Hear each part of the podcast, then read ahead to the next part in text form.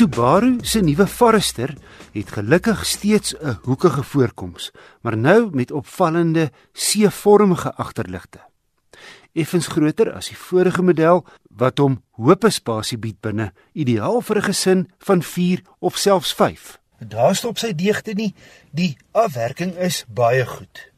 Volop leer in hierdie topmodel, die ES wat mooi onderbreek word met silwer plekplek en baie goed toegerus teen net meer as 'n half miljoen.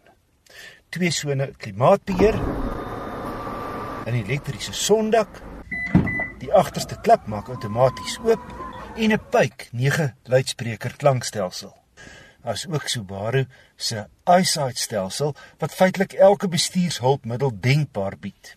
'n Groot sentrale raakskerm doen diens wat nie net 'n tribeeld gee nie, maar ook 'n beeld wat onder die passasier se syspieël gebeur. Die ritgehalte is uitstekend op teer en grond. Hoewel hy spog met 'n grondvryhoogte van 22 cm, hou die Boxer enjin met die 4 silinders wat plat horisontaal lê, die gravitasipunt laag. Maar gepraat van sy masjien, en terwyl ek die Forester se lof andersins besing, hier lê my enigste klagte. Sy natuurlik geaspireerde 2 liter frustreer as jy vinnig wil verbysteek.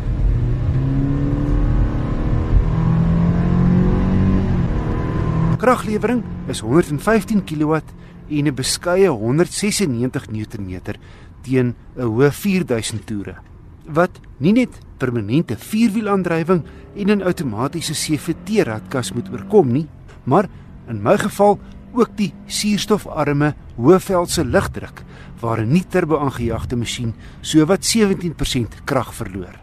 Ander markte se 2.5 liter Boxer is ons nie beskore nie om nie eens te praat van die 2.5 turbo wat jy destyds in hierdie Scooby gekry het nie. Kaarthuisskrif het met daai Forester die 2.5 XT 0 na 100 in 6,6 sekondes afgelê en met hierdie nuwe 2 liter ES 11,5 sekondes.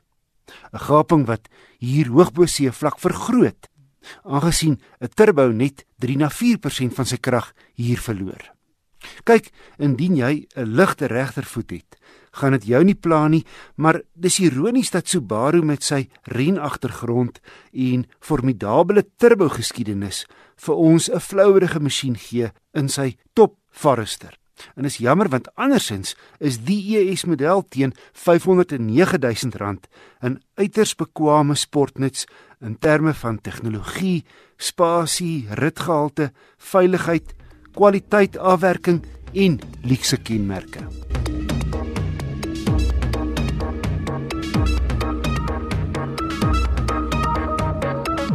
Die Chinese vervaardiger JMC het 'n paar verbeterings aangebring aan sy Landwind 5, 'n mediumgrootte sportnuts.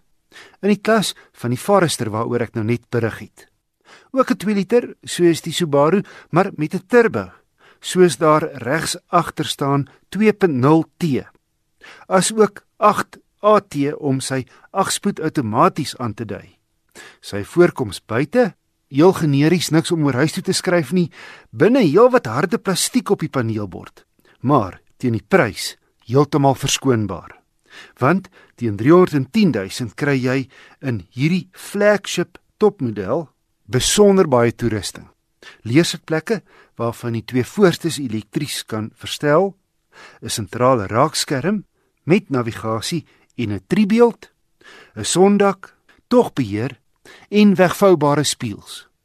Daar's 'n goeie skoot turbo traagheid met die wegtrek in hierdie voorwiel aangedrewe Landwind 5, maar as hy eers op spoed is, gee hy lekker vet.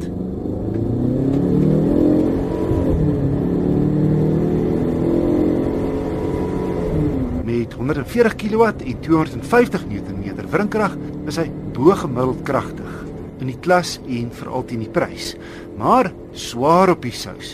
Ek het 9,8 liter per 100 km op my gekombineerde brandstofvloete gemeet. Dit ondanks sy turbo tegnologie en 'n lang agsterrad vir die oop pad.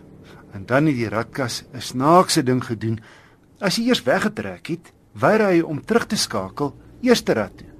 Al bring jy jou spoed af na selfs 1 km per uur as jy jou voet plant soos tipies by 'n toegeeteken of 'n minisirkel, trek jy 'n tweede weg wat lui versnelling onder 40 km/h beteken. Want die turbo kom eers behoorlik hier van 3000 toere aan die gang. Eers wanneer jy weer 'n slag doodstop, skakel hy eerste rad toe. Dis ook in die radkas se sportfunksie die geval. Gelukkig is hier 'n tikfunksie waarmee jy soos met 'n handradkierie om eerste rad toe kan tik wanneer jy wel eerste rad se krag nodig het. So, JMC se Landwind 5 flagship is nie so gesofistikeerd soos die kompetisie nie. En hy het sy enaardighede. Maar teen R309900 is hy strate goedkoper as die kompetisie in hierdie medium-grootte sportnutklas. Ja, dis 'n redelike nuwe Chinese handelsmerk op die mark, so sy betroubaarheid is nog nie bewys nie. Maar ten minste kom 'n 5 jaar 100 000 km diensplan standaard, asook 'n 3 jaar 100 000 km waarborg wat insluit 24 uur padbystaar.